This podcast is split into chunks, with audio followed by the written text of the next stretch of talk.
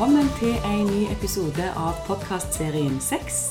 Mitt navn er Margrethe Salvesen Klippenberg. Jeg er sexolog og tar deg med på en reise i eget og andre sitt seksuelle univers. I dag har jeg eh, besøk av en mann som jeg har fått lov å besøke hans podkast to ganger. Han er òg mannen med radiostemmen. I dag skal vi smøre radiostemmen sammen rundt mikrofonen. I dag har jeg besøk av Ken Ove. Hallo. Velkommen til deg. Du sa det med radiostemmen, så følte jeg liksom måtte legge ned. Hallo. Ja, Man må legge det ned et hakk, og så må jeg legge det opp et hakk. Ja. Og så kan vi bare sitte her og høres ut som vi holder på å spille inn en sånn erotisk novelle. Det er litt sånn det blir når radiostemmen kommer på. Ja. Men du, Ken Ove, eh, jeg har jo vært og spilt inn to episoder hos deg i din podkast. Kan du si litt om din podkast først? Hvor heter den? Hvor finner folk den? Hvor handler den om? Begynn der. Jeg skal begynne med skamløs uh, altså.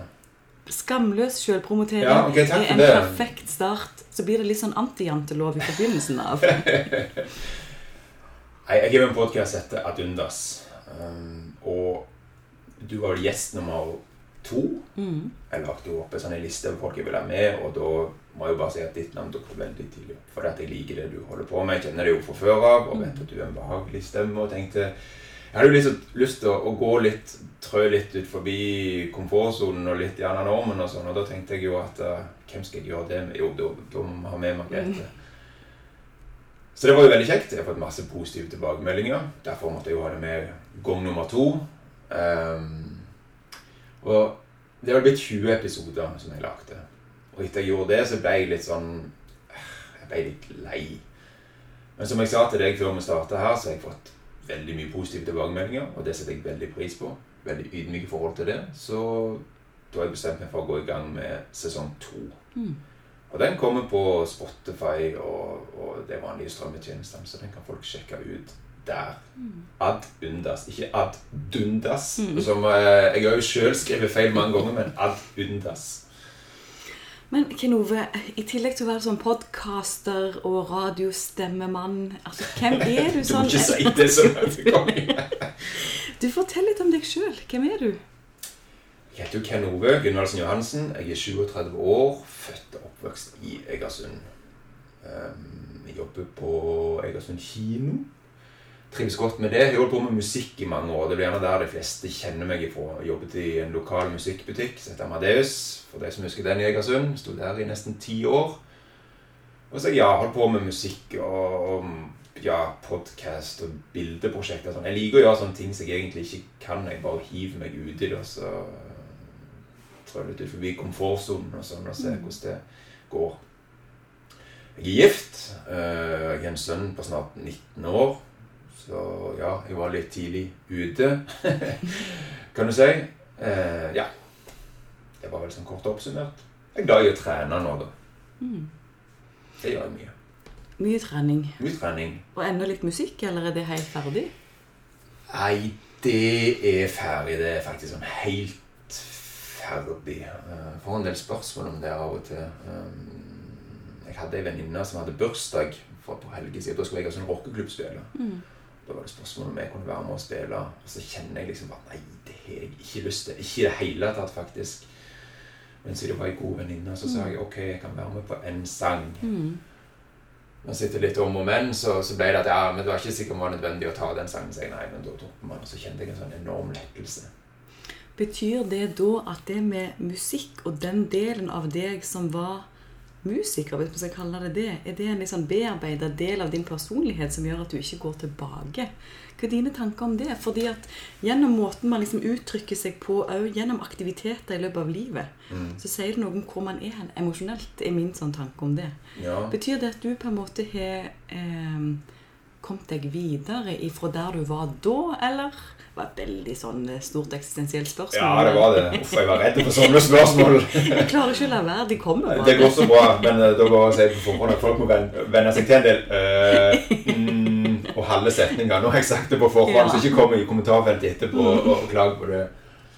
Men nei. Uh, nei, altså det med musikk det var jo en veldig veldig stor del av livet mitt. Jeg begynte vel når jeg var 15, og nesten fra første dagen så var det all in. Mm. Og det var det i ja, 15-20 år. Det var det jeg brukte dagen til. Lage musikk, spille inn musikk. Alt liksom evolva rundt, rundt musikk og sånn. Men de senere årene så ble det en sånn Altså, det var, det var mange ting. Det kulminerte litt eh, Hvordan skal jeg si det? Jeg begynte fra en del fysiske problemer. Eh, som var nok direkte knytta til det å spille gitar. At jeg sto og hadde en kjempetung gitar på skulderen, og jeg var ganske tynn og spinkel og sånn, så jeg begynte å få en del rygg- og nakkeproblemer og sånn, så jeg ikke ville gå vekk. Gikk til fysioterapeut og prøvde å skylde på finne alle mulige andre faktorer enn at det var det her gitarspillingen som gjorde det, da, for det ønska jeg jo ikke. Så da prøvde jeg å, å, å finne andre forklaringer. Men, men eh, det var nok det, og så var det òg den der Altså, jeg liker å spille, jeg liker å lage musikk, men jeg har alltid vært den som har måttet ta ansvar for alt det administrative og sånn i et band. Og jeg kjente på slutten så kjente jeg at jeg begynte å bli så lei av det, for det var det som egentlig var 90% av greiene. var Alt det der å samle folk og booke gigger og sende ut mailer og bare Altså den der arbeidsbiten med det. Eh, og det var jo ingen penger i det. Altså Dette var jo bare et gigantisk hull. så det bare rant penger ut av hele veien. Eh, så det ble bare liksom en sånn en jeg, jeg kom liksom til en sånn Holdt jeg spilte inn en, en siste sang. Den heter Smegma, forresten. Eh, kanskje kan Lytterne dine vet kanskje hvor det er. Eh, men da kjente jeg at den sangen er jeg fornøyd med, men nå, nå er det liksom stopp. Eh, men jeg skal beholde gitaren. Sånn i tilfelle hvis jeg plutselig får lyst til å spille igjen, eller det kommer tilbake igjen. Men jeg skal ikke tvinge det fram. Gitaren er der. Hvis lysten kommer, så skal jeg gjøre det. Men det skal kun være lystbetont hvis jeg skal gjøre det. Og nå er det ganske mange år siden, og jeg har vel tatt i gitaren sånn fem ganger etterpå det. og Jeg gjorde det for noen uker siden. Da tok jeg gitaren og så spilte jeg i ti minutter, og så var det veldig gøy. Men liksom, når det var gått ti minutter, så var det sånn. Mm. Så Jeg vet ikke. Bruker du ennå musikk til å regulere og være i følelse, eller har du liksom andre verktøy nå for å regulere følelser? Nei, altså, jeg hører jo mye på musikk. Mm. Eh, det gjør jeg. Eh, og spesielt når jeg trener. Da, altså, musikk er en stor del av meg ennå. Mm. Og, og, men, men det er liksom ikke det at jeg aktivt spiller sjøl, men, men jeg lytter mye på musikk. Mm. Og når jeg springer og trener, så er det ofte Rage Against the Machine og sånn. Mm. Og altså, jeg husker hvordan impact det hadde på meg når jeg var 15 år og hørte det. Eh, nå er jeg snart 40, og nå kjenner jeg det enda sterkere. Mm. Altså Hvis jeg er ute og springer, og, og det er en fin dag med sol, sånn som det er nå, når vi sitter og kikker ut vinduet, og, og, og 'Killing in the name of' begynner, så er det bare Da går beina av seg sjøl. Altså, det er en fantastisk følelse. Mm. Da får jeg det som sikkert folk kaller 'runners high'. Jeg vet ikke om jeg har hatt det, men det er liksom min versjon av det folk kaller 'runners high', tror jeg. Ok, og så er det jo sånn at tekstene til Rage Against the Machine får kanskje en litt sånn dypere betydning faktisk når vi har passert liksom 35. Man forstår i hvert fall tekstene på en litt annen måte, gjør i hvert fall jeg. Ja. Så det er ikke bare det der, for meg var det det der avsnittet med 'Fuck you, I won't do as you tell me'. Ja. Det var liksom mitt verste. Eh, men nå, nå har det fått en litt dypere betydning, heldigvis. Ja. Men du, Ken Ove, jeg vokste jo opp um, på sida av samfunnsskolen. Det gjorde du. Så, og du gikk jo på den skolen. Det gjorde jeg. Kan du ikke fortelle litt om hvordan det har vært å være en del av en, å vokse opp uh, som en del av et samfunn, og hva er egentlig samfunnet? Ja, hva er egentlig samfunnet? Da vil jeg bare begynne med å si at når jeg snakker om samfunnet nå Samfunnet eksisterer jo selvfølgelig den dag i dag, men når jeg snakker, så er det basert på observasjoner som er ca. 20 år gamle. Så, så jeg kan ikke si så mye om hvor mye av det som er gjeldende i dag. Jeg har en del venner i samfunnet som kommer med litt sånn drypp om hva som skjer, men bare så det er sagt på forhånd, jeg snakker om hvordan det var når jeg var der. Um, men nei, altså menigheten Samfunnet er jo, er jo en liten lutheriansk, konservativ sekt, tror jeg man må kalle det. En av mange i Egersund. Eh, det er jo en sånn avart av statskirka. Altså statskirka, Noen gikk ut for statskirka for de var uenige med noe der, og så forgreina det bare seg nedover fordi at de var uenige om masse ting. Du har jo eh, alminnelige samfunn og sånn som, som de fleste har kjent til, eller perene, som det er kjent som. på folkemunne. Det er jo noe av det samme. Men nei, altså vi var jo åtte stykker i klassen. Seks gutter, to jenter.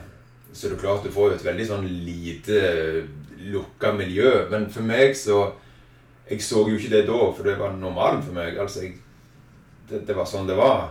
Vi hadde religion hver dag eh, på skolen. Det var første time religion. Og da var det utenapplæring. Pugga katekismen og Pontoppidas forklaring og, og sånn.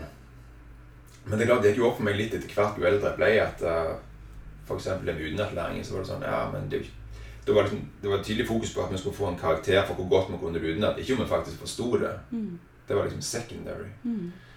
Så jeg begynner liksom å få en del sånn eh, tvil etter hvert. Da. Hva er egentlig dette for noe? Mm. Og når var det på en måte eh, altså hvordan, hvordan levde du med det å være i eh, en sånn sektor, som du kaller det? Når begynte du å forstå at dette er en, er en del av en sekt, faktisk? Når begynte jeg å forstå det? Det er vel litt vanskelig å pinpointe. Sånn. Men, men, altså, det er klart Når jeg begynte på ungdomsskolen Dette er en kombinert barne- og ungdomsskole. Mm. Og når jeg begynte på ungdomsskolen, så da hadde jeg nok begynt et voldsomt opprør i meg. Eh, som nok var et stort opprør med bl.a. samfunnet. Og det at jeg ikke hadde det så greit eh, hjemme med foreldre som slåss og masse sånne ting. Så det var sånn mange ting sammen. Men, men da begynte det å gå opp for meg at hva er egentlig det her for noe? For da begynte jeg å stille en del spørsmål. Mm. Og da fikk jeg ufattelig mye tåpelige svar. Mm. Eh, og det skjønte jeg allerede da at det her gir jo ingen mening. Og det, det, var nok bare bensin på bålet for det opprøret. At da skulle jeg bare gjøre enda mer. Og så skulle jeg være den første som tok hull i øret og hadde det på samfunnsskolen. Og jeg skulle ha langt hår. Og, Mm. Samtidig som jeg hørte på rockemusikk og alt det der. Så alt liksom bare adda på da, til det opprøret. Men jeg kan ta noen konkrete eksempler hvis du vil. ja, ja. ja, det er litt interessant. Jeg husker Noe av det første jeg spurte om, det var at i samfunnet så var det sånn at gutter måtte gå i bukser. Og jenter måtte gå i skjørt. For i Bibelen så står det at mannen skal gå i mannsklær, og damen skal gå i dameklær. Mm. Og da husker jeg når jeg var på ungdomsskolen, så merka jeg meg at når vi hadde gym, så hadde jo jentene eh, enten altså shorts eller, eller joggebukser. Mm. Så skulle jeg spurte en gang i, der det var snakk om det i en religionstime, så spurte jeg hvorfor er det egentlig sånn? Hvorfor gummer ikke egentlig jentene i miniskjørt sånn som de går til vanlig? Så var det en form for svar at nei, det måtte jo skjønne at det ikke er å gumme i, i skjørt eller i miniskjørt. Så sier de ja, men det er ikke Jeg forstår det, men dere legger denne boka her til grunnlag for alt dere sier, så må du si hen i Bibelen der står at damer skal gå i dameklær og mann skal gå i mannsklær, utenom når de har gym, for da er det jo mer convenient å gå i joggebukser. Mm. Skjønner du hva jeg mener? Eh, altså, ja, det var mye med det der. Jeg syns jo alltid det var veldig ironisk òg at altså, jenter skulle gå i skjørt. Men veldig mange av dem gikk jo i miniskjørt. Så jeg hadde jo masse fine fine opplevelser, kan jeg si det, med å kikke opp under skjørtet på, på, på jentene på, på barneskolen, for at alle gikk i sånn Ja, det er ikke så lett for folk å se som hører på dette, men jeg viser på meg sjøl et kort skjørt. Så ja. Mm. Det var en del sånne ting. Og det er jo veldig fascinerende å være en del av et samfunn, altså bokstavelig talt av et samfunn, Mm. og være den som begynner å stille spørsmål med ting. Mm. Hvem ble du i det miljøet der når du utvikla deg til å bli en slags rebell mot der du allerede var? Nei, altså det er klart Jeg, jeg skilte meg jo veldig ut ifra, ifra mange av de andre. Og, og det ble litt sånn Altså for mange av de andre i klassen og, og klassen over og under, så ble jeg nok sett på som Jeg vet ikke litt kul. ikke sant? Altså Jeg var den som torde å gjøre det. Samtidig som jeg vet at mange av eh, foreldrene til, til vennene jeg hadde, ga liksom beskjed til, til ungene at de burde ikke være med meg, eller Ja, altså så jeg var som jeg var. Men uh, ja, jeg vet ikke.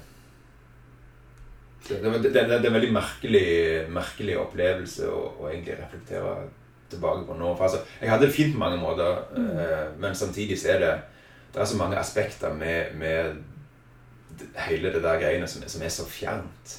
Jeg skal akkurat si det, Av og til så virker det som en sånn fjern periode som man egentlig liksom ikke har opplevd. Hvis, altså, for det virker, det virker så fjernt nå at Ja. noen kunne ha det sånn i vår tid. Mm. Og så har en det. Eh, Ja. sant? Man har faktisk hatt det sånn eh, på den tida for 20 år siden.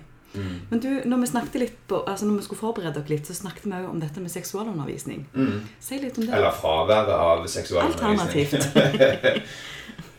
Nei, altså, jeg husker jo godt at jeg er jo så gammel at vi hadde jo ordfag. Um, og i ordfagsbøkene eh, så var det jo Så kunne du liksom se så var det en form for innledning da, på forskjellige kapitler. Da husker jeg første gangen så så vi at det var noe om kroppen og sånn, og da sto det annet liksom onani og menstruasjon. Prevensjon, tror jeg det var. Og så når vi liksom fant fram de her sidene i boka, så Oi, her hoppet det fra side 62 til 74. Her mangler det plutselig 11 sider. Mm. Så det samfunnet gjorde, det var at de bare gikk inn fysisk. Og så bare kutta de ut alle de sidene som, som eh, av en eller annen grunn ja, Det vet jeg jo ikke egentlig. Som de fant ut eh, seg at dette skal vi ikke ha. Mm. Så istedenfor bare liksom hoppe forbi de bokene, og sånn, så måtte de faktisk fysisk inn og, og, og kutte ut de her sidene. Men Stilte du noen gang noen spørsmål med det? Åh, det var det gøyeste vi visste. For det at eh, Jeg skal ikke henge noen ut, altså, men det var en del lærere vi hadde der. Så hvis du begynner å nevne sånne ting, altså, så, så så du bare hvordan de, de meg jo som juling. De var jo akkurat som unger. Jeg må få lov å si det. Og det, vi elska jo det. Spesielt han ene. Skal ikke nevne navn. Men altså, det var liksom sånn der, ja, så sier vi, «Øy, Det står jo om, om, om eh, prevensjon her. og Skal ikke vi lære om kondomer? sånn? Så sto jeg bare og rødma. Fantastisk. Vi koste oss jo. Men når jeg ser tilbake nå, så ser jeg hvor fjernt det egentlig var. Mens da var det bare underholdning. Det var jo veldig gøy. Fikk dere noen svar noen gang når du stilte disse spørsmålene om prevensjon eller Nei, men vi hadde, jeg husker vi hadde ei uh, heimkunnskapslærer. Hun heter Agno Damgaard. Det er naboen din. Ja, det er det. For jeg gikk feil når jeg sto Ja. her, så derfor kan jeg si det. Jeg gikk på døra til Agno. Ja. Så hvis du hører på Agno, det gjør du mest sannsynligvis ikke, men shout-out, du var en kul lærer. Eh, hun forteller dere litt, men det var veldig diffust. Det var noe om uh, noe eggceller og noe sædceller som hun tegnte litt på tavla, ikke i detalj, men da var vi så gamle at vi skjønte hva hun snakket om. Uh, men hun ga litt sånn med graviditet og, og menstruasjon og snakket. Og det, jeg tror ikke egentlig, altså Hun hadde jo hengekunnskap, så det var ikke egentlig hennes felt. men Jeg husker jo ikke konteksten nå, men hun tok iallfall Tok litt av ansvaret rett og slett for de spørsmålene som dere hadde. Ja, Men utenom det så lærte vi jo ingenting om sånn. Altså Vi lærte jo, vi hadde jo det sjette bud, du skal ikke bedrive hor. Uten at jeg gikk inn på hva hor egentlig Det var et veldig sånn stort og diffust begrep da. Eh, og apropos det, så jeg vet ikke om samfunnet er det sånn ennå, men de hadde det jo sånn på, på min tid at hvis du hadde bedrevet synd, eh, altså bedrevet hor, gjort synd mot det sjette bud, så måtte du stå fram i kirka for å få tilgivelse. Og da snakker vi om eh, ei fullstappa kirke der du måtte liksom på en måte reise deg opp og stå liksom mens de andre satt, og så leste liksom presten opp eh, navnet ditt og sånn. at liksom, ja, du erkjenner at du har gjort synd mot sjette bud og ber Gud om tilgivelse og sånn. Det er ikke det mot noen av de andre budene, så vidt jeg vet, men det med sjette bud er litt sånn viktig. Horebudet. Ja, horebudet. Det er ikke så nøye om du slår i hæl sånn. Da er det ikke så nøye om du står der og, og, ber offentlig om tilgivelse, men når du var hor, da, da måtte du det. Det er utrolig interessant òg hvordan det med seksualitet har blitt forma til akkurat det du sier her. Ja. Hva er dine tanker om Hvor var liksom tanken bak alt det her avholdsmekanismene som var i sving når du vokste opp? Jeg kan si det en gang. hvorfor er det så farlig? Ja, hvorfor er det så farlig? Nei, jeg vet ikke. Altså Samfunnet har vel en del sånne der Altså det, en del regler som ikke er skrevet ned nødvendigvis, men som er sånn konsensus at folk skjønner det. Så det med prevensjon er nok uglesett, ikke sant? Altså, Vi lærte jo om Det kom jeg på nå med onan, ikke sant? Skulle ikke la en sæd gå til jorden, ikke sant? Og prevensjon er jo Du, du hindrer et et liv, ikke sant? Eller sånn. Så da tror jeg bare, jeg vet ikke om de bare tenkte at uh, ja, men hvis vi bare ikke snakker om det, så skjer det ikke. Altså, for meg så virker det, Og det er samfunnet på mange aspekter, så er det en litt sånn enkel tilnærming til ting. Og så når du går litt i dybden på det, så bare vil de ikke svare, for dette, jeg tror ikke de egentlig har noe svar. Så, men, men det er min tanke rundt at de liksom bare, vi bare fjerner det, så bare Hvis de ikke har om prevensjon, så kommer de ikke til å bruke prevensjon. Eller, altså, for, for meg så virker det sånn, da, selv om det ikke egentlig gir noen form for mening. Men jeg syns det var interessant det som jeg nevnte, at et av kapitlene var menstruasjon. Og jeg tenker, Det er jo ikke noe med seksualitet i den, for altså, det er jo en, en, en kroppslig funksjon som, som skjer hos de aller fleste damer. Eh, så, så det at de liksom tok vekk det òg Veldig Ja. merkelig og, og vanskelig å forstå. Men det er jo knytta til fruktbarhet, da. Sånn Jo, altså, det jo litt, jeg ser jo det, men allikevel så liksom jeg, jeg, jeg, jeg vet ikke, jeg ser en viss- viss, forskjell på det å lære om runking og, og, og, fortelle jenter at menstruasjon det- når du er så så gammel, så, så begynner du å blø, etc. Tampong. Ja. Og det er jo veldig interessant at det òg ble utelatt. ja. Fordi at det òg sier jo noe om altså, måten den kvinnelige seksualiteten blir sett på i mindre samfunn, i hvert fall på den tida. Jeg vet jo ikke heller hvordan det er nå. Sånn at vi må jo bare være helt sånn klar på at dette handler om din opplevelse da. Men hva tror du at det har gjort med, med deg og din måte å se seksualitet på ifra den tida og fram til nå? Altså, Hvordan skal det påvirke deg? Nei, altså Første minnet jeg liksom har om, om, om, sex og seksualitet, er vel at uh, vi leide av og til noen VHS-filmer sammen med mamma og pappa. I noen av de som var under sexscener. Det var jo tidenes flaueste å sitte og se det med mamma og pappa. Så jeg vil ikke si det var opplæring. Det var liksom den første eksponering jeg husker. I tillegg til, til at ja, vi fant jo pornoblad i, i, skogen da, sånn som de fleste gjorde på den tida. At det var noen som hadde en pose med noe under noe tre og noe. Eh, men altså, nei, altså, vi, vi, visste jo hvor det gikk i da, ifra, som sagt, ifra andre kilder og sånn. Vi fikk det liksom ikke innvia der. Men jeg syns det er veldig trist at de ikke kunne Når jeg ser tilbake nå, så at de ikke bare kunne fortalte på en ryddig måte istedenfor vi som sagt måtte få det via pornoblad og andre ting. Mm. Og jeg var jo til stede i internetts spede begynnelse når det begynte å bli kommersialisert. Da husker jeg jo at vi fant ut at ei, det var jo nakne damer på, på, nettet her. Det var helt fantastisk. Mm. Men hvordan det forma meg ellers, det er litt sånn vanskelig å, å si. Jeg tror ikke egentlig det har hatt så mye betydning. Sånn, jeg skulle ønske jeg fikk mer god informasjon der, men jeg fikk det ikke. Men jeg har ikke fått det fra andre hold. Jeg tenker at det, ja. og Det er jo det som blir litt av problemet når vi får så dårlig eh, tilgang på informasjon, og mm. riktig og god informasjon, ja.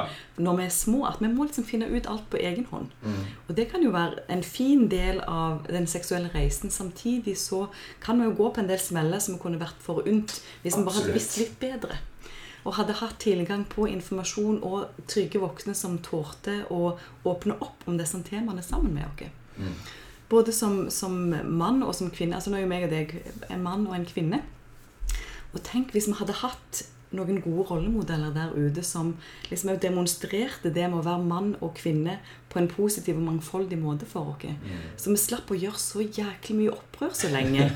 Fordi jeg har jo vært i en sånn opprørsfase kjempelenge i mitt liv. Og mine foreldre sa jo at du ble voksen Margrethe, når du plasserte 30. Da følte jeg at det begynte å roe seg litt hos meg. Men det sier jo litt om noe altså hvor man har vært hen, tenker jeg. Fordi at man ikke har hatt tilgang på informasjon som har vært relevant for oss. Og som vi kanskje søkt ut, og så har vi måttet eksponere oss sjøl veldig for å få fram et eller annet budskap. da. Mm. Hva tenker du om det? Hva tenker jeg om det? Eh, jeg tenker du, tenker du har rett. Eh, og jeg syns jo det er løye at, at, samfunnet kunne slippe unna med det. Mm. Og om de eventuelt slipper unna med det nå, så er det enda mer kritikkferdig for det, det, bør være en integrert del av, av uh, undervisningen på skolen. At du lærer om sånne ting, uavhengig om lærerne syns det er flaut eller har noen innvendinger religiøst eller otherwise. Mm. Så ja. Jeg er ellers ikke så mye om det. Du, du har mye mer kunnskap enn meg om dette, Margrethe, så hvorfor spør du meg? Det er mye kjekkere når du forteller om det. jeg syns det er mye kjekkere når du forteller. men, men si litt om, om liksom, opptakten til at du da meldte deg ut. Når gjorde du det, og hva skjedde? Ja, hva skjedde? Uh, funny story. Altså, jeg var i samfunnet veldig lenge der jeg ikke gjorde noe. Jeg sto i, i medlemslistene, uh, men der, der, skjedde ingenting. Uh, det var ikke noen spesiell grunn til det, på samme måte som mange folk står i statskirka, men de gjør ikke noe annet der uten at de gjerne ja, går i kirka ved jul eller bryllup eller hva det Uh, så jeg bare sto der. Jeg har jo masse familie og sånn i samfunnet, men jeg har aldri følt noe bare for å spesifisere det, jeg har aldri følt noe press på at jeg må være der i voksen, altså i voksen alder og sånn. Så jeg sto der. jeg fikk En gang i året så fikk jeg jo tilsendt eh, giro. Da skulle de ha samfunnsskatten sin. Og for de som ikke vet hva det er, så er det at når du er i samfunnet, så må du betale skatt. Så så mye prosent av inntekten går direkte til samfunnet. Jeg betalte aldri den. Det kom aldri noe purring eller noen ting. Jeg tenkte ikke mer over det. Og så var det da jeg begynte så utover 20-årene så begynte jeg å spille en del og sånn, og var litt i avisen da den tiden. Og så eh, var det vel en gang de, de skulle ha en sånn portrettintervju. Og så Da var jeg samboer med, med Siv, eh, som er mor til, til, sønnen min. Så da skrev jeg liksom det på en måte. Ja, sivil status, ja, samboer med Siv tenkte jeg ikke mer over det. Og så plutselig så fikk jeg liksom telefon fra presten i samfunnet. Så sånn, Øy, hva skjer nå? Og da var det jo det at de hadde jo observert og lest i avisen at jeg var i et samboerforhold, og det er jo synd mot det sjette bud. Det går liksom inn under der. Ja vel, tenkte jeg, og så var det sånn Ja, stemmer, jeg står jo i samfunnet, ja. Hvor faen? Er det, lov, det er det, lov, er det lov å si? Det var det du tenkte? Det var ikke der 'Å ja, søren heller, nå har jeg synda mot det sjette bud'? Nei, jeg må, jeg, jeg tror jeg må være så ærlig og si at ja, stemmer det? Hvor, hvor, hvorfor står jeg egentlig Mm. der? Altså, skjønte jo med en gang at, at dette er jo kuet mitt for at uh, ja, nå må jeg faktisk melde meg ut, og jeg kan ikke ha, jeg kan ikke ha det sånn som det er. Men jo da, jeg eh, Så var det liksom at presten da ville innkalle til Det er litt diffust akkurat detaljene her, men essensen er riktig. eh, At jeg liksom måtte inn og snakke med presten da. Og så gjorde jeg det, og så var det jo det at ja, jeg hadde liksom synda mot det sjette bud. Men da var jeg òg ganske sånn obsternasig, litt sånn, så, så jeg utfordra han litt på det. Så sier jeg hva er det, hva er det jeg egentlig har gjort, da? For jeg sier det står vel ikke egentlig så mye i Bibelen om samboerskap og sånn, gjør det det? Så nei, sier presten, men, men han mente på at hvis Bibelen hadde blitt skrevet i dag, så hadde, de toget, så, så hadde Gud tatt med det der med samboerforhold. Så tenker jeg å ok, så du, denne guden din, du, du vet hvor han eh, ville skrevet i dag og sånn. Det var en ganske bold statement da, tenkte jeg. Men så sier jeg ja, ok, men, men Ja, så var det jo det at jeg liksom med å bedrive hor Så sa jeg jo rett ut til seg at bedrive hor som i, som i altså, seksuell omgang. Ja. Så sier jeg ja, hvordan vet du egentlig det? Og så var det jo det at nei, hvis du var i samboerforhold og sånn, så bodde du under samme tak, og da var det mye større sjanse ah, Dette var ikke hans ord, nå sier jeg det litt sånn omtrentlig, men da var det større sjanse. Men så sier jeg ja, men ikke det er opp til meg. Skal du Du, du vet ikke om jeg bedriver hor eller ikke i, i, i form av seksuell kontakt og sånn. Er det du som skal Er det meg, eller er det du som skal liksom ta den? Ikke det er opp til meg hvor jeg velger Ikke sant? Men igjen så bare tenkte jeg Når jeg satt der og diskuterte litt mer, så plutselig bare slår meg ikke hva jeg egentlig holder på med. Bare gi meg det der papiret, utmeldingspapiret, sånn at jeg kan bli ferdig med det. Dette er jo helt nytteløst. Det er ikke vits i å argumentere engang. Så jeg skrev under på papir, og så fikk jeg vel et sånn oppfølgingsbrev der jeg var bekreftet jeg var utmeldt, og, øh, men det ville si at jeg alltid var velkommen tilbake igjen. Da. Men uh, la meg være ærlig og si at den tanken har nok ikke streifa meg. Og så elsker jeg jo Jeg får sånn begrepet seksuelt hor. Det trigger noe i meg. Det blir veldig spe det, det begrepet får jeg behov for å ta litt tilbake. Rett og slett det med å Av og til så jobber jeg jo med mine egne sånn kvaliteter som kvinne, da. Sånn at jeg jobber fram min indre elskerinne eller min indre dørvakt. Og nå skal jeg begynne å arbeide fram liksom min indre hore igjen. Ja. Jeg har tenkt å ta tilbake det begrepet nå, kjenner jeg. Fordi at det er noe veldig sånn positivt lada gjennom det med å bedrive seksuelt hor. For meg er jo det med å bedrive seksuelt hor knyttet opp mot noe veldig lystbetont og positivt. Så jeg elsker å høre ordet seksuelt hor nå, kjenner jeg. Det, det, skal vi, det, skal vi, det tror jeg vi skal bedrive mer framover. ja. Bedrive, vi skal bedrive mer hor. Bedrive mer hor, ja. Fordi at positivt horeri er veldig godt for livskvaliteten. Ja. Og så er det jo å kjenne litt etter på hva er det som er positivt horeri, og hva er det som er destruktivt horeri. Ja. Og hvis man bedriver destruktivt horeri, så må man kanskje tenke litt på om det er den indre hora man må jobbe med, eller om det er noe annet.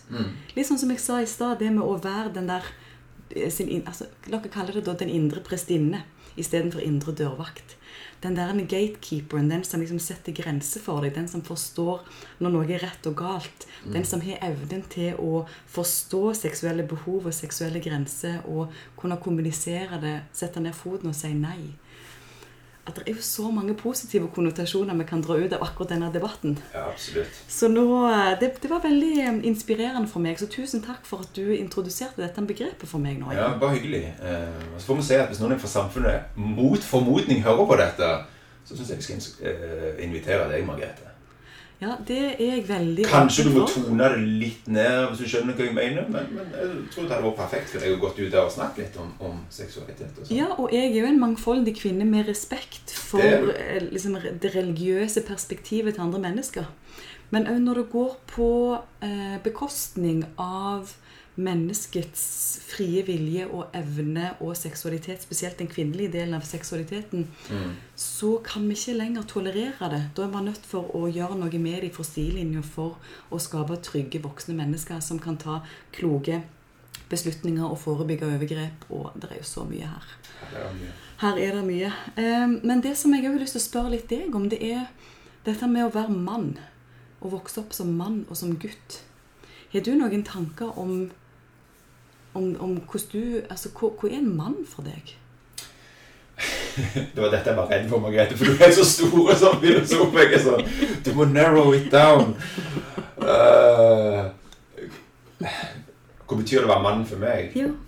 Jeg, jeg spør jo ikke hva betyr det å være mann. Jeg spør hva det betyr for deg. Ja, hva betyr ja. Som jeg har en mening om alt, Margrethe. Jeg føler meg så pressa. Nei da, jeg bare tøyser. Nei, altså Hva skal vi si det? Altså, jeg har jo alltid Jeg hadde et anstrengt forhold til min far, da. Fra barndommen av. Altså Pappa har alltid vært der, men, men mamma og pappa var jo skilte. Da, som jeg sa innledningsvis, det har vært mye krangling og slåssing og, og sånn. Som er klart har vært med å forme meg på veldig mange måter. Som jeg sa i stad, det henger jo sammen med mye av det opprøret og sånn eh, på ungdomsskolen med samfunnet og sånn. Men jeg har alltid hatt en, altså, en farsfigur sånn, og la meg si det er ikke et ekstremt godt forhold til, til pappa i dag. Eh, men det til tider vært ekstremt eh, anstrengt. Så når jeg var yngre i denne rebellfasen, så søkte jeg nok veldig utover etter Jeg tenkte ikke på det da, men liksom altså rollemodeller og sånn. Og, og første skikkelige rollemodellen, eller de to første skikkelige rollemodellene jeg fant, var vel eh, Marilyn Manson og Kurt Cobain. Eh, som jeg regner med de fleste som hører på, vet hvem det er. Og, og i forhold til seksualitet, ta tar Marilyn Manson først, da, som er veldig sånn uh, provoserende for mange, og veldig ja, sminke og skjørt og alt den der. Så, så jeg adopterte jo veldig den biten tidlig. Jeg har jo ikke sminke og skjørt på, gikk på Bryne videregående med bøndene i sminke og skjørt. Det er ganske crazy. Uff, nå kjenner jeg litt vondt inni meg. Hva, jeg, men, Og eh, jeg kjenner bare sånn kjærlighet. Det er jo helt fantastisk for meg å høre at du som mann har tatt den delen av din maskulinitet til de høydene. For meg så er jo dette en virkelig eh, en kvalitet som, som er mandig for meg. Nettopp det med å tørre å stå i sin femininitet. Ja. Fordi at sånn som jeg ser mennesket da altså hvis, hvis vi skal se mennesket mer i maskuline og feminine kvaliteter, eller mer sånn yin-yang-tankegang i forhold til mennesket som energi, så er jo alle mennesker maskuline og feminine kvaliteter.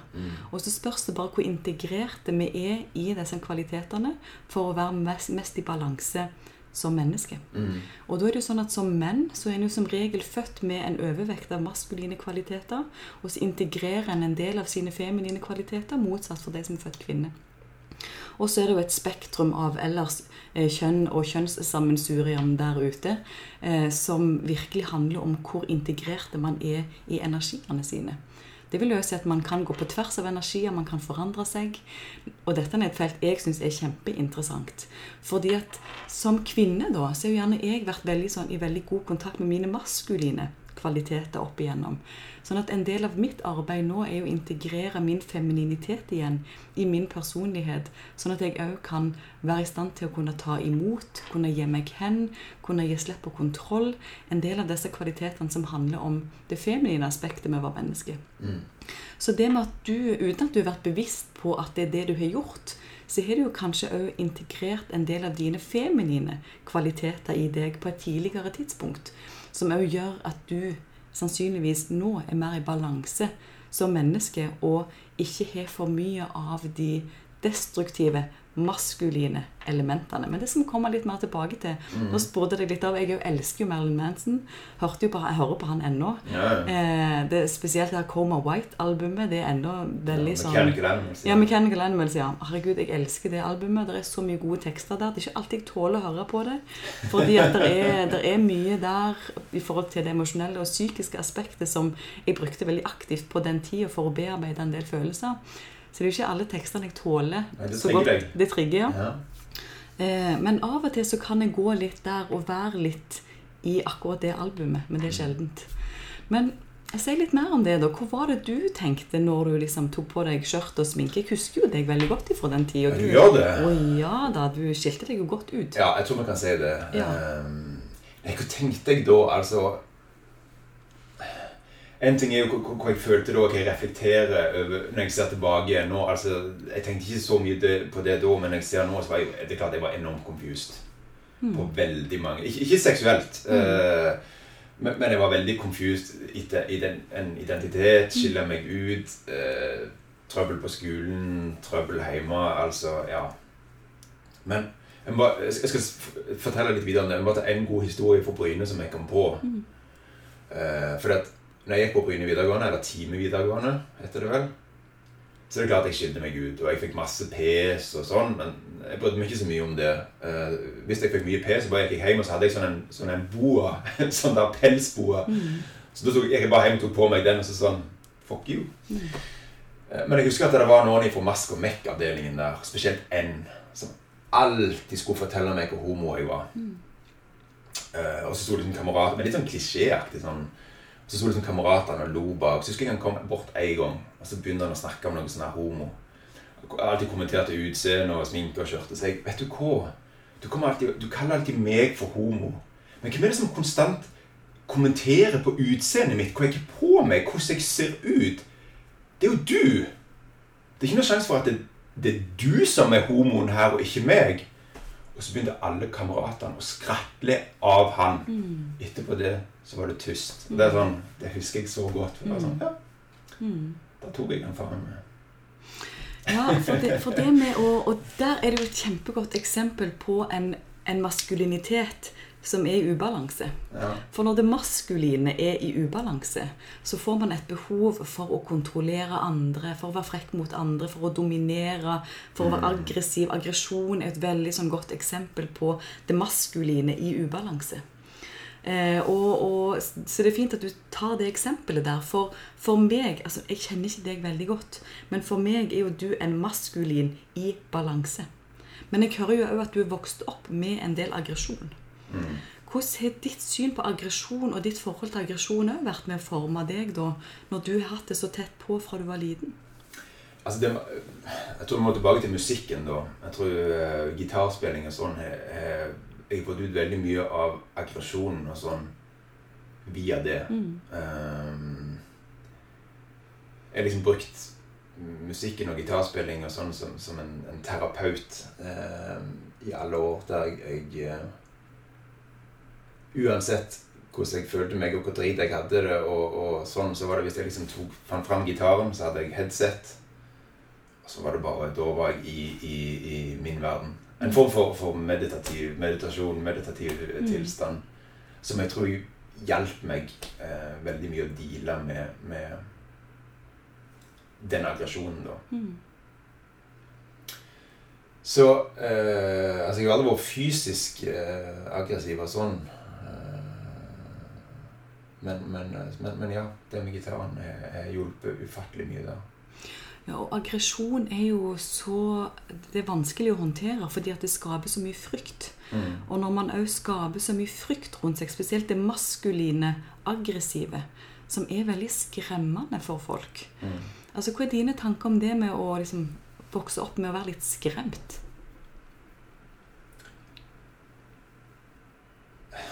Nei, altså For min del så, så satte jeg opp en, en form for fasade, da. Eh, ja, jeg vet ikke. Og Jeg ser faktisk at det er et sårbart tema for deg å snakke ja, om. ja, det- ja det det, jeg, ikke egentlig noe problem å snakke om det. Det er bare litt vanskelig å egentlig sette ord på det og, og, og kunne forklare det skikkelig. Det er egentlig mer der det ligger. Mm. Det var derfor jeg sa på forhånd at det kom til å bli en del ø og pauser og sånn.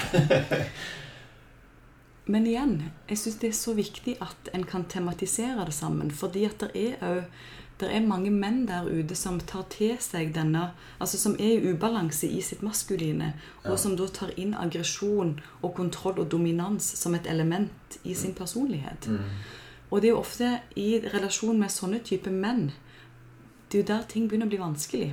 Spesielt for andre typer menn som er i kontakt med sitt feminine, som du åpenbart i hvert fall var på det tidspunktet. Og er nå, derfor- definitivt. Og, ja, og er nå. Altså, da kan en lett bli angrepen for det som en annen mann, altså mann til mann.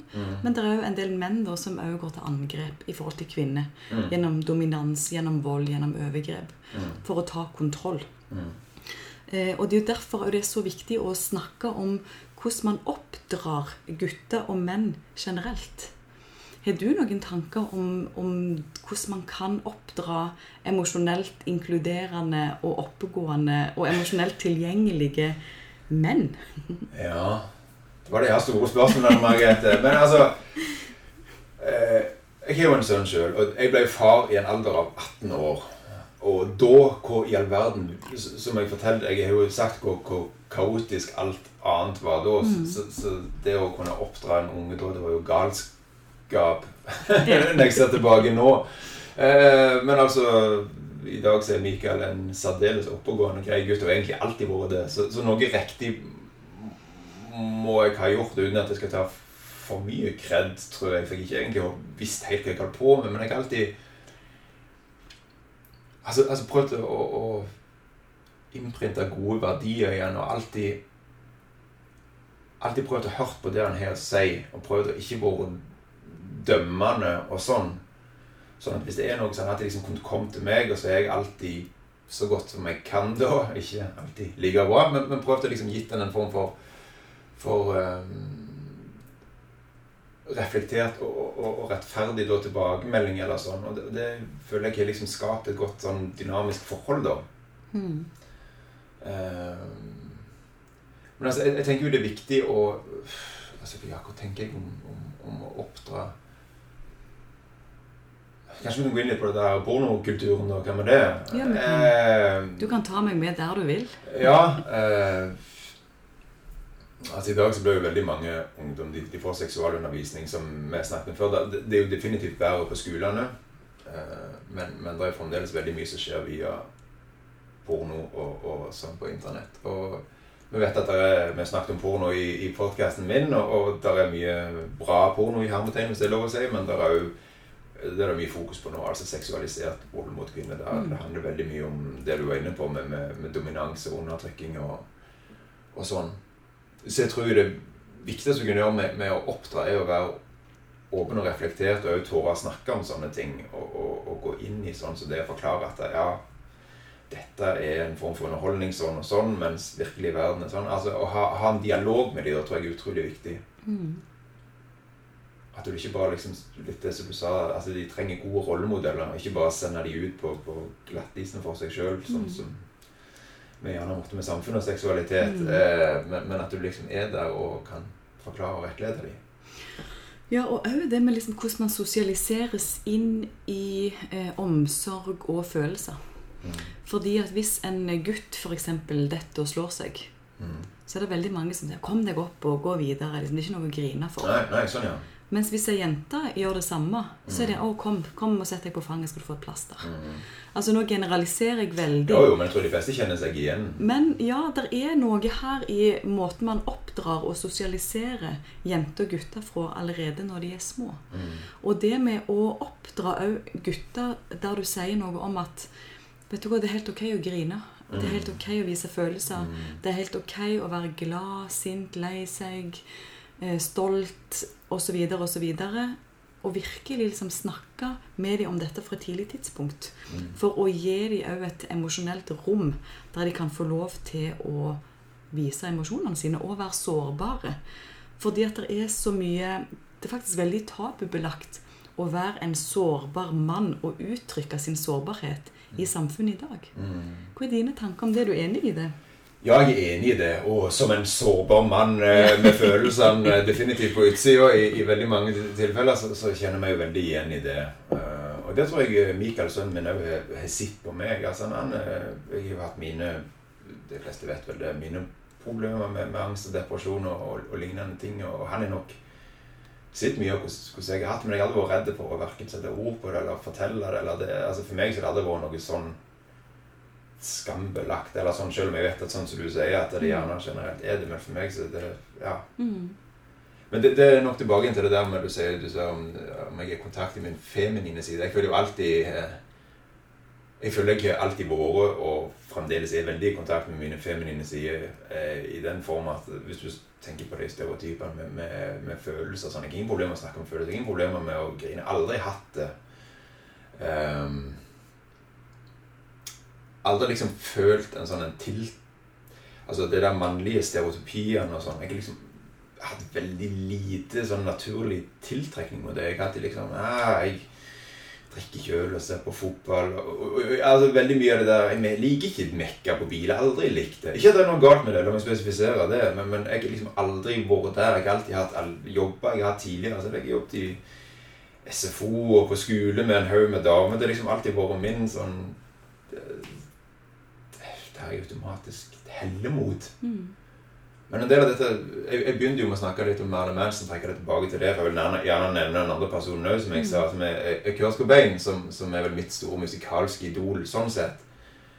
Og det òg var nok med å forme meg veldig, for, for, mye av musikken som kom før Nirvana på, på 90-tallet, det var jo 80-talls hair metal. Og der var det jo veldig sånn sjåvinistisk eh, kvinneundertrykkende oppførsel blant mange av de. At det var liksom groupies og banger groupies og hiver de ut. Altså veldig mm. sånn og så kommer liksom Nirvana og Kurt Cobain og spør sånn Nei, fuck det der. Det der er jo jævlig lamt. Mm. Det er mye kulere å være feminist og stå opp mot, eh, mot Stå sammen med damer og kvinners rettigheter etc., etc. Så jeg tror det påvirka meg veldig til at, at jeg så det tidlig. Sånn Ja, du har egentlig et poeng her. Det der er jo bare lavt, Mens mm. ikke sant, dette resonnerte med meg, da. Mm. For det du bevitna der i den der veldig Eh, rockekulturen på 80-tallet. Det var jo mm. nettopp det maskuline ubalanse. Ja, definitivt. Så selv om de òg kunne ha en feminin uttrykksform De så jo eh, de så jo supergay ut hele gjengen. Du må få lov å si det. Kom igjen! jo, jo, nettopp. Og, og, og, men det maskuline var definitivt ubalanse. Ja. Så, så, det er veldig interessant faktisk at det, man ser i musikkulturen, og de idolene som vi ser oss sjøl i mens vi vokser opp, ja. det betyr faktisk veldig mye. Mm.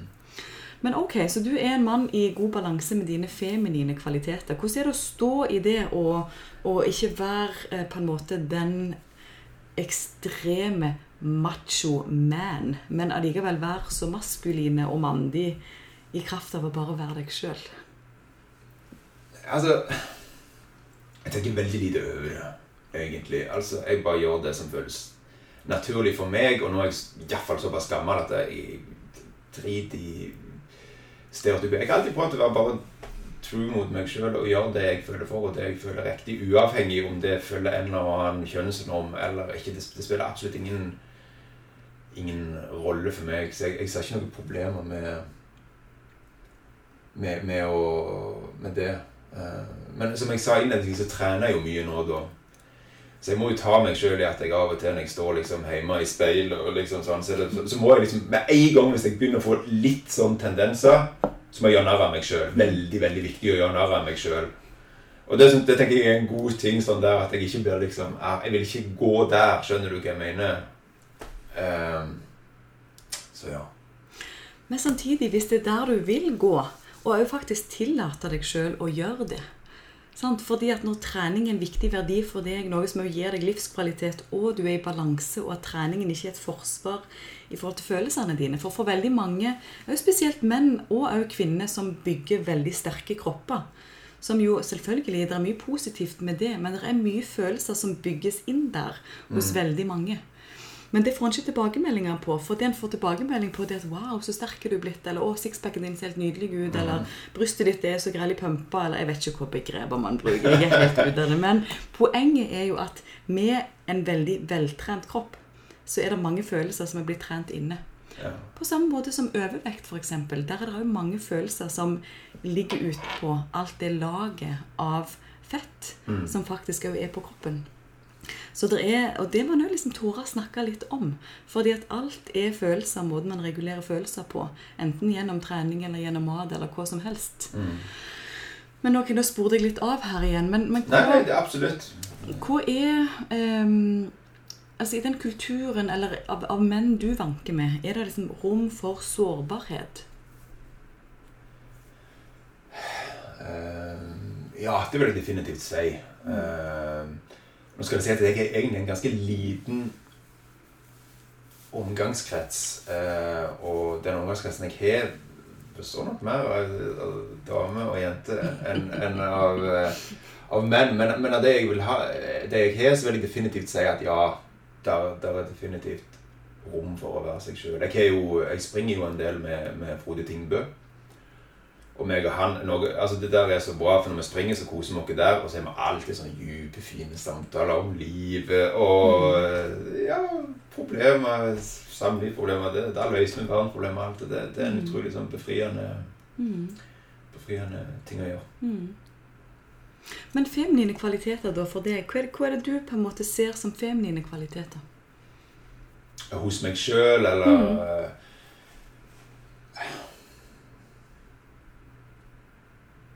Altså, jeg, som sagt, jeg, hvis du tar det der med sårbarhet og vise følelser og sånn Der er jeg jo som ei åpen bok. Mm. Som jeg definitivt vil si er, er, er, er blant mine feminine kvaliteter. Um, ja. Men kan jeg, tenke, jeg har litt lyst til å svare ja. på det med trening. Så ja. bare, bare, ja. nå, kanskje jeg hopp, hopper litt her, men, men det var bare siden vi var, var inne på det. Men vi kan hoppe godt. Bare si du sa det med, med, det der, det var ikke noe Grunnen til at du sa det der med å regulere følelser ja. så Grunnen til at jeg føler for å gjøre narr av meg sjøl eh, hvis jeg begynner å, å, å kikke på bicepsene eller, eller, lignende, så er det fordi at min hovedmotivasjon for å trene, det er for å være i god fysisk form.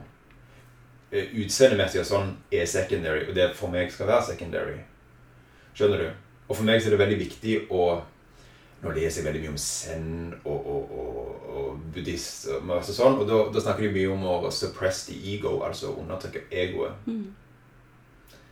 Så jeg vil bare si at det er liksom en del av, av, av den greia. Jeg vil ikke være den der eh, jock-type personen, for det er ikke egentlig meg. Men, men, jeg ser jo hvor lett det er å falle for den når du liksom du begynner å trene. Så ser du at okay, kroppen forandrer seg. Jeg blir faktisk sixpack, bryst, whatever. Mm. Uten at jeg på noe sett og vis ser ut som en kroppsbygger. bare, så Det er helt sagt for deg som ikke har sett meg ikke i nærheten engang. Men, men, men ja, for meg så er det viktig å, å, å gjøre litt narr av meg sjøl der for å holde meg sjøl eh, grounded jordnær. Ja, og, for, for, for, å få liksom huske hva er det egentlig jeg gjør det her for? Mm. Gjør jeg dette fordi at jeg skal ha en biceps, sånn at noen på stranda kanskje sier 'Å, så har du stor biceps en 40 Nei, det er ikke det. Så for meg så er det for å liksom holde øynene på målet det, og målet for meg er er det beste ordet? Longevity. Eh, mm. Jeg vet ikke hva det beste norske ordet er. Nei, du er jo så veldig sånn engelsk. Ja, jeg får kritikk for det. Men det er veldig jeg, jeg, jeg ser bare på engelske serier ja, og leser på nett, og da, da, da, sliter jeg med å finne det. Men, ja. men altså ja, longevity Jeg finner ikke det norske ordet, men, men, det er det jeg trener for. Altså for å ha god helse og sånn langt fram i tid. Ikke for å pike nå og se ut som en uh, avdanka Arnold Schwarzenegger eller whatever. Mm. Det, det, er ikke det som er målet? Det er ikke det som er målet. Nei, så du er, du er på verdisynet ditt og formålet med hvorfor du gjør som du gjør. Ja, og det, det er viktig for meg. Ja. For, for, å ikke fly av gårde i en eller annen retning som jeg egentlig ikke vil. det. Mm. Og det er sikkert lurt. Ga det mening? Ja, det ga veldig ja, mening. Ja, det ga veldig mening. Og jeg kan jo kjenne meg igjen i det sjøl i perioder der jeg har vært veldig aktiv med et eller annet, eller utseendet forandrer seg på et eller annet vis. Så blir sånn Oi, nå ser jeg, nå jeg, ser jeg sånn ut. Hva skal jeg gjøre med det? Liksom, skal jeg legge ut et bilde nå og få inn noen likes? Eller liksom. Ja. Og så blir det sånn Margrethe, hva er det du holder på med nå? Eye on the price. Hva er det som er målet ditt her? Jo, målet mitt var jo faktisk å, å bestige noen eh, topp og få noe fin utsikt, være litt i kontakt med naturen. Mm. Og om det jo forandrer utseendet mitt en kort periode, ja, så forandrer jo ikke det meg. Men jeg, jeg vet hvor lett det er å gå i den fella, fordi at man òg får kan, Man får òg ytre feedback på en annen måte. Og det er jo der ting begynner å bli farlig, og det er jo da det begynner å mm. styrke denne egofølelsen i deg, mm. som vi virkelig jobber for å redusere, da. Det Vær så god. jeg må, jeg bare litt i kontekst til det der med å legge ut bilder. Det, det er jo noe som jeg, jeg strides veldig med. Mm. Og igjen, jeg må presisere at jeg ikke tror jeg ser ut som noe gresk ut på noe sett og vis. altså Folk må ikke misforstå det her. Men jeg er jo i sosiale medier sånn som andre. Og av og til, hvis jeg da har gjort noe, eller Altså, jeg har postet bilde av meg sjøl sikkert når jeg klatrer i bar overkropp, for det er det du ofte gjør når du klatrer. Men da, da veier jeg det alltid mot seg. Hva er det egentlig jeg gjør her? Er det for å få de her likesene, for at folk skal se Oi, ser han så sterk ut? Men så velger jeg jo sjøl å tro at ja, men hovedgrunnen til at jeg legger ut her, er egentlig fordi at jeg håper at noen tar en eller annen form for inspirasjon av dette. Mm. Litt det samme som jeg vet ikke om du så de fleste Jegersund Egersund vet gjerne om Tore Sunde Rasmussen Mm. Uh, han er jo ja, klatra til toppen av Mount Everest. Han var jo akkurat i VG Mm. I bar overkropp eh, med olje og, og, full greie og en alder av 70 år da, og viser hvor, hvor muskuløs og god form han er i. Mm. Men han også sier jo at det er klart at det er rett form for Det er en del narsissisme der. Det er det vel uansett. Vi har vel alle det til en eller annen grad. Men han jo- er jo klar på det at jeg ønsker jo egentlig bare å inspirere.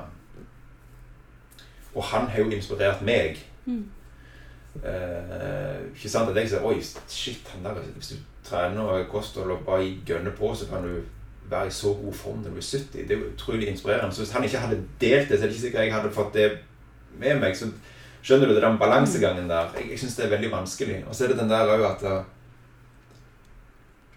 det må liksom være rom for, for å være stolt òg hvis du har fått til noe. Eller altså Ikke sant som du sier, ok, så har du gått noen turer, så ser du bedre ut hva enn det måtte bety. Men du er fornøyd, så hvorfor, hvorfor kan du ikke dele deg det, og andre kan Ja, men for meg så er det problematisk at det er bedre enn noe annet. Men jeg er enig i at man skal være stolt av der man er uansett. Ja. Uansett hvor en er henne, så syns jeg at man skal kunne vise det fram med et sånn halvnarsissistisk utgangspunkt. Og være stolte av det man da viser fram, om det er på den ene eller den andre måten. Ja. Men for meg er det ikke nødvendigvis bedre enn noe annet. Det er bare annerledes en periode. Mm. Og man er jo annerledes i andre perioder. Eh, altså ting, ting forandrer seg jo. Vi er i forandring hele veien som mennesker. Men mye av det du legger ut, syns jo jeg handler mer om estetikk. Eh, sånn at dine bilder er veldig estetisk fine, og, og det gir en eller annen gjenklang hos jeg som da følger deg. Veldig mye av det materialet du legger ut. Okay, ja. Sånn at jeg oppfatter ikke noe av det du legger ut som narsissisme. Men igjen, hvis noen òg ønsker det, så er det jo helt greit. Hvis du bare har lyst til å sanke 1000 likes fordi at du har fått ei grævlig flott sprettrumpe de siste Ja. ti ukene, få ut ræva, tenker jeg. Det er helt greit. Men alle må bare gjøre det de vil. Det er grunnen mitt poeng. Ja, jeg, jeg er egentlig enig i det der så ufattelig svær, eh, komplisert eh, Ja. eh, debatt, men, men jeg, jeg, jeg er i stor grad enig i det du sier da. Men, men, men for meg så er det alltid, det er alltid Hver gang jeg legger ut et bilde, så er det alltid litt sånn ambivalent. For det at jeg prøver alltid å gå tilbake til Mange bare, de bare hiver ut. Og så igjen, jeg dømmer ikke det, men for meg så er det prøver alltid å ta det tilbake til hvorfor, hvorfor gjør jeg dette? Hvor, hvorfor skal jeg poste dette? Hvorfor skal jeg si dette? Og hvis jeg lander på at dette er rene egoistiske grunner, så det er feil for meg. Mm. Jeg, som jeg, sier, jeg driter for så vidt i hva andre gjør, men for meg så blir det feil. For jeg vil ikke være med på en del av det der rotteracet med mest mulig eh, likes og sånn. For for meg så Altså, det betyr jo noe.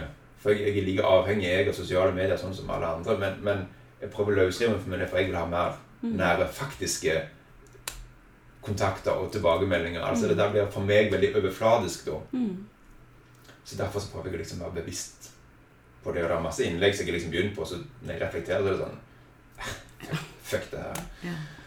Fuck det her. Dette Fuck var det ikke der jeg var. Nei, Nå det, vil jeg noe annet. det, det, det er ikke her vi skal. Vi må liksom på et dypere plan enn bare det der overfladiske. Men ok, litt sånn, Vi har snakket veldig lite om sex i dag. Eh, og jeg, jeg syns det er litt min oppgave som sexolog å utfordre gjestene mine litt på sånne veldig intime sexspørsmål. Oh, Jeg bare. Det gjør du ikke. Ser de i dine? din. Nei, bare tøyser. Men kan, kjør på, Margrethe. kan jeg få lov å stille ett spørsmål? Ja, jeg kan stille akkurat det Hvis du da skal Hvis du nå våkner opp i morgen og leve ditt mest optimale sexliv, mm. hvordan ser det ut for deg? Um, Er det lov å være så, si at det er nesten sånn som det er nå? Ja? Jeg, jeg har det fint sånn som jeg har det nå. Jeg er gift, og jeg trives med det. Og nei, Linn står ikke her med øks og sverd og, og, og truer meg til å si dette. Jeg, jeg, jeg har det veldig bra seksuelt. Jeg, jeg trenger ikke noe mer. Egentlig. Jeg føler ikke Iallfall nå. Så du opplever at du har et sexliv som du er fylt opp av. Hvilke elementer er det i ditt sexliv da som gjør deg så tilfreds? Nei, altså det er jo at uh, altså meg og Linn har vært sammen uh, Vi vært gift i snart ti år. Så vi kjenner jo hverandre veldig godt. Og for meg så er det uh, Den beste sexen jeg har hatt, er, er, med hun Og hun, hun jeg har vært lengst med. Det handler om det der at når vi kjenner hverandre, og, og sånn så er på seg sjøl på, på, på, en helt annen måte enn det jeg har vært i ungdommen. Jeg hadde en one night stand eller sånn som for mange så høres nok det som forlokkende ut med ah, one night stand og ligge med hun og sånn. For, for, meg så har aldri det vært ei greie. Jeg vil liksom ha den der tryggheten og nærheten og sånn. Femininitet, jeg er vi tilbake igjen der? uh, så for meg så har jeg liksom det. Jeg, jeg får Jeg føler liksom jeg, får ut, jeg har fått utforska og fått ja, gjort det jeg vil da med Linn. Og det er jeg veldig takknemlig over. For jeg, jeg, jeg ser hvor jeg har jo hatt, hatt partnere, uh, samboere, sånn som jeg definitivt ikke har hatt det med seg. Jeg har liksom sett begge sidene av det da, og det får meg til å sette veldig pris på sånn jeg har nå. Mm. Og hvor takknemlig jeg egentlig er for det. At jeg har noen som jeg klikker så godt med. da. Og, og ja. Ble det veldig klisjésvar? Skulle ønske jeg hadde noe juicy sånn Sykt sånn romantisk. ja, Ta litt i vinduskarmen, det er sånn klissete i hele rommet. men, det er men, men, det er sant. Ja, men det er sant. Det jeg hører du beskriver, da, det er jo faktisk at det er en god polaritet i ditt sexliv mellom det maskuline og det feminine. Mm. For hvis man klarer å skape nok polaritet energimessig og seksuelt med partnerne sine, mm. at det er en slags motstand og samtidig en magnetisme mm. i sexlivet, mm. så er det ofte den sexen vi trekker mot som den beste. Mm. Det, men dette er jo en helt annen måte å tenke på, og for de fleste lyttere i dag så vil måten jeg snakker på i dag, være ganske sånn fjern. Men samtidig så hadde jeg litt lyst å gjøre det bare for å vise at det òg er et annet språk for å forstå kjønn og for å forstå seksualitet. Mm. Sånn at det betyr jo òg at den, den, beste sexen jeg har, det er jo òg når det er polaritet med partneren min. Der jeg f.eks. kan gå fullt inn i mitt feminine og han kan gå i fullt inn i sitt maskuline, mm. eller motsatt. Og være i det. Og, og, når en da snakker om det på en seksuell måte, eller i forhold til sex, så er jo det feminine definitivt den, den plassen der man gir seg hen, der en gir slipp, og der en tar imot, og er i det med å, er det med å gi slipp på kontroll, f.eks. Mm. Da er en jo virkelig i kontakt med det feminine og i det seksuelle. Mens i det mer balanserte maskuline, når en snakker om det seksuelle, så handler det jo om å holde plass og kunne være en trygghet.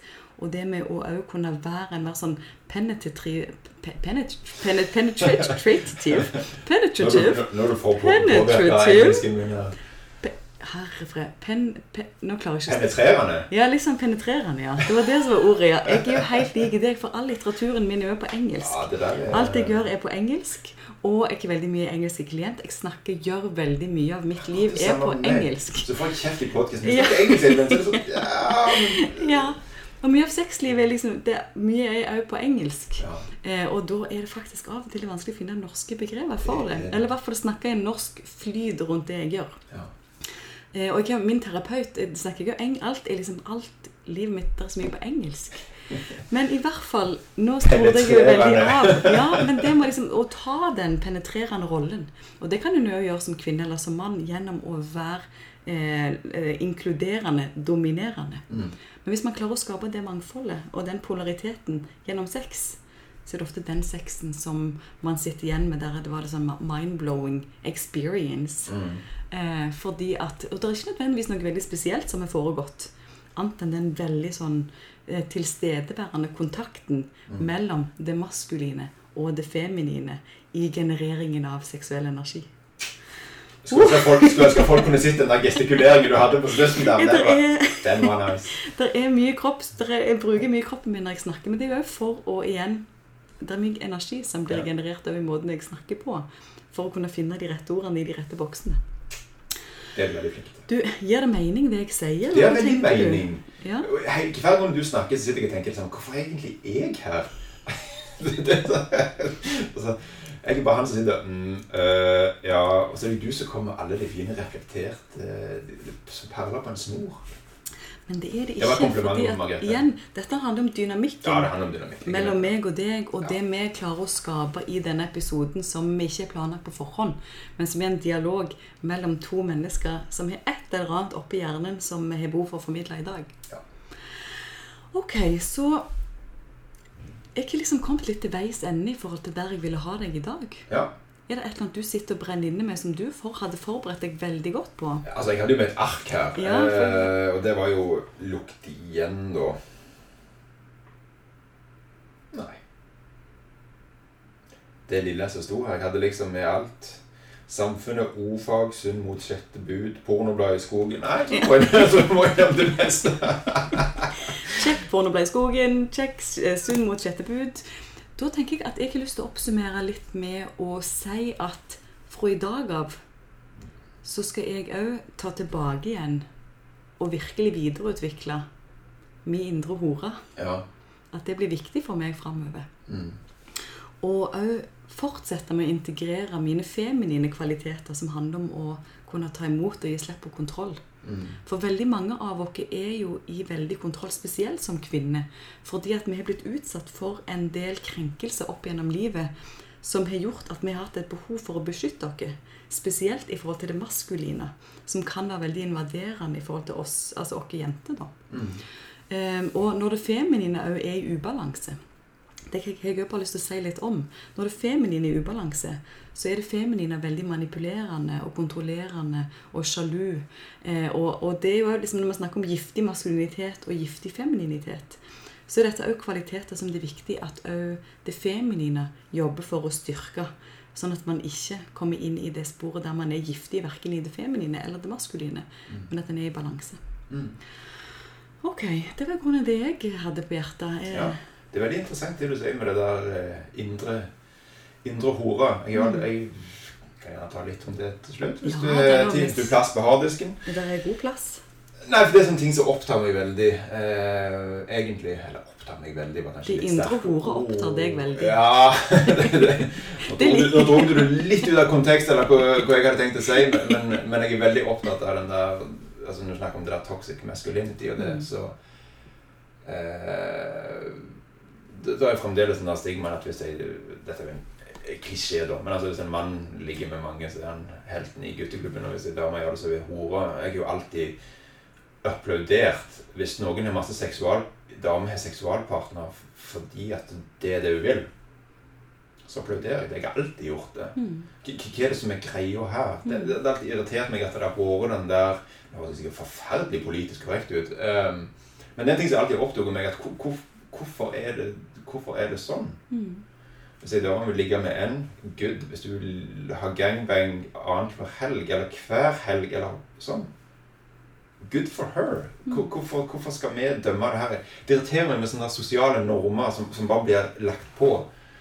Um, jeg kan bare ta det litt med For jeg hørte det i en podkast akkurat. Jeg syntes det var veldig interessant, det der, det der med sånne kulturelle greier og, og, og, og sosiale normer.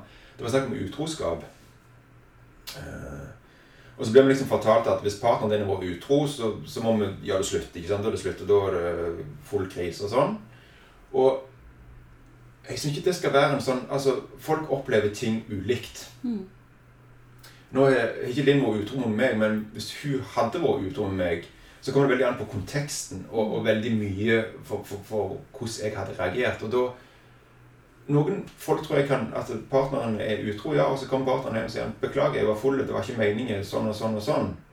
Og så kan de på en måte gjerne skvære opp og fortsette livet sitt. Men selvfølgelig det blir pålagt en sånn en du må, Det er liksom obligatorisk at nå må du gå ifra hverandre, eller nå må du bli skilsmisse og sånn. Og at det, jeg føler mange gjerne ikke reflekterer så mye over det. At det er bare sånne ting som blir fortalt. Mm. Du må kjenne hva som er riktig for deg, og hva du føler. Mm. Hvis det er riktig for deg, og du greier ikke fortsette dette samboer eller giftermål, eller whatever, ok, så går dere fra hverandre. Mm. Men det skal ikke være fordi at noen andre forteller deg at uh, det må du gjøre. Mm. Det må du kjenne litt på sjøl. Og jeg syns det var veldig interessant når de snakket om det. Ikke, jeg ga det sikkert ikke rettferdig med å sitte her og stotra sånn som jeg gjorde, men jeg håper poenget kom fram. Jo, for jeg tenker Poenget handler om at en alltid må se sine egne hendelser inn i sin egen kontekst. Og ikke ta inn en slags generalisert oppfatning av det som foregår der ute. Eh, og gjøre det til din sannhet. Fordi at alle må finne sin sannhet, og alle må finne sin kontekst. Og alle sin historie er faktisk helt unik. Mm. og, og gjerne liksom finne ut av ting på egen hånd. Og da, liv, der, der er ikke noen oppskrift. Det er basically, det er ingen oppskrift. Nei. Men jeg tror det er viktig å stoppe opp og reflektere over en del sånne ting. Og gjerne tenke over hva, hva, hva, Mm. Hva vil jeg, og hva, er riktig for meg, istedenfor bare å skli med den der eh, Mm. strømmen og normen som liksom blir trykt, trykt ned.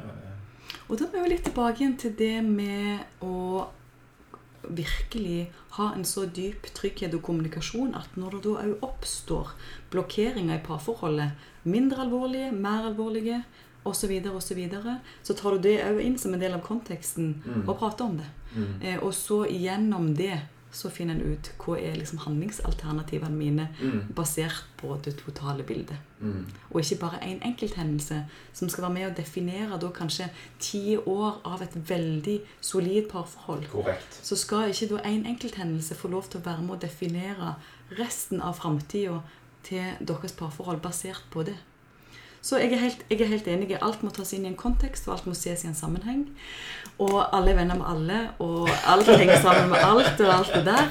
Du, Ken Ove, tusen takk for at du eh, kom i podkasten min i dag. Takk for at jeg fikk komme. Jeg var veldig nervøs. Ja, har det gått greit? Ja, nå så hørte du nå pust- Det er sikkert første gang jeg puster.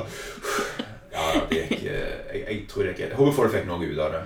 Ja, og der, Jeg elsker når det der pustet liksom langt ned i magen kommer. Ja. Det betyr at da er du i gang med å regulere ditt eget nervesystem igjen. ja. Det er et Driver mye på meditasjon og sånn, så jeg vet. Du får ta en, en god med, medi... Med, med, Med meditation.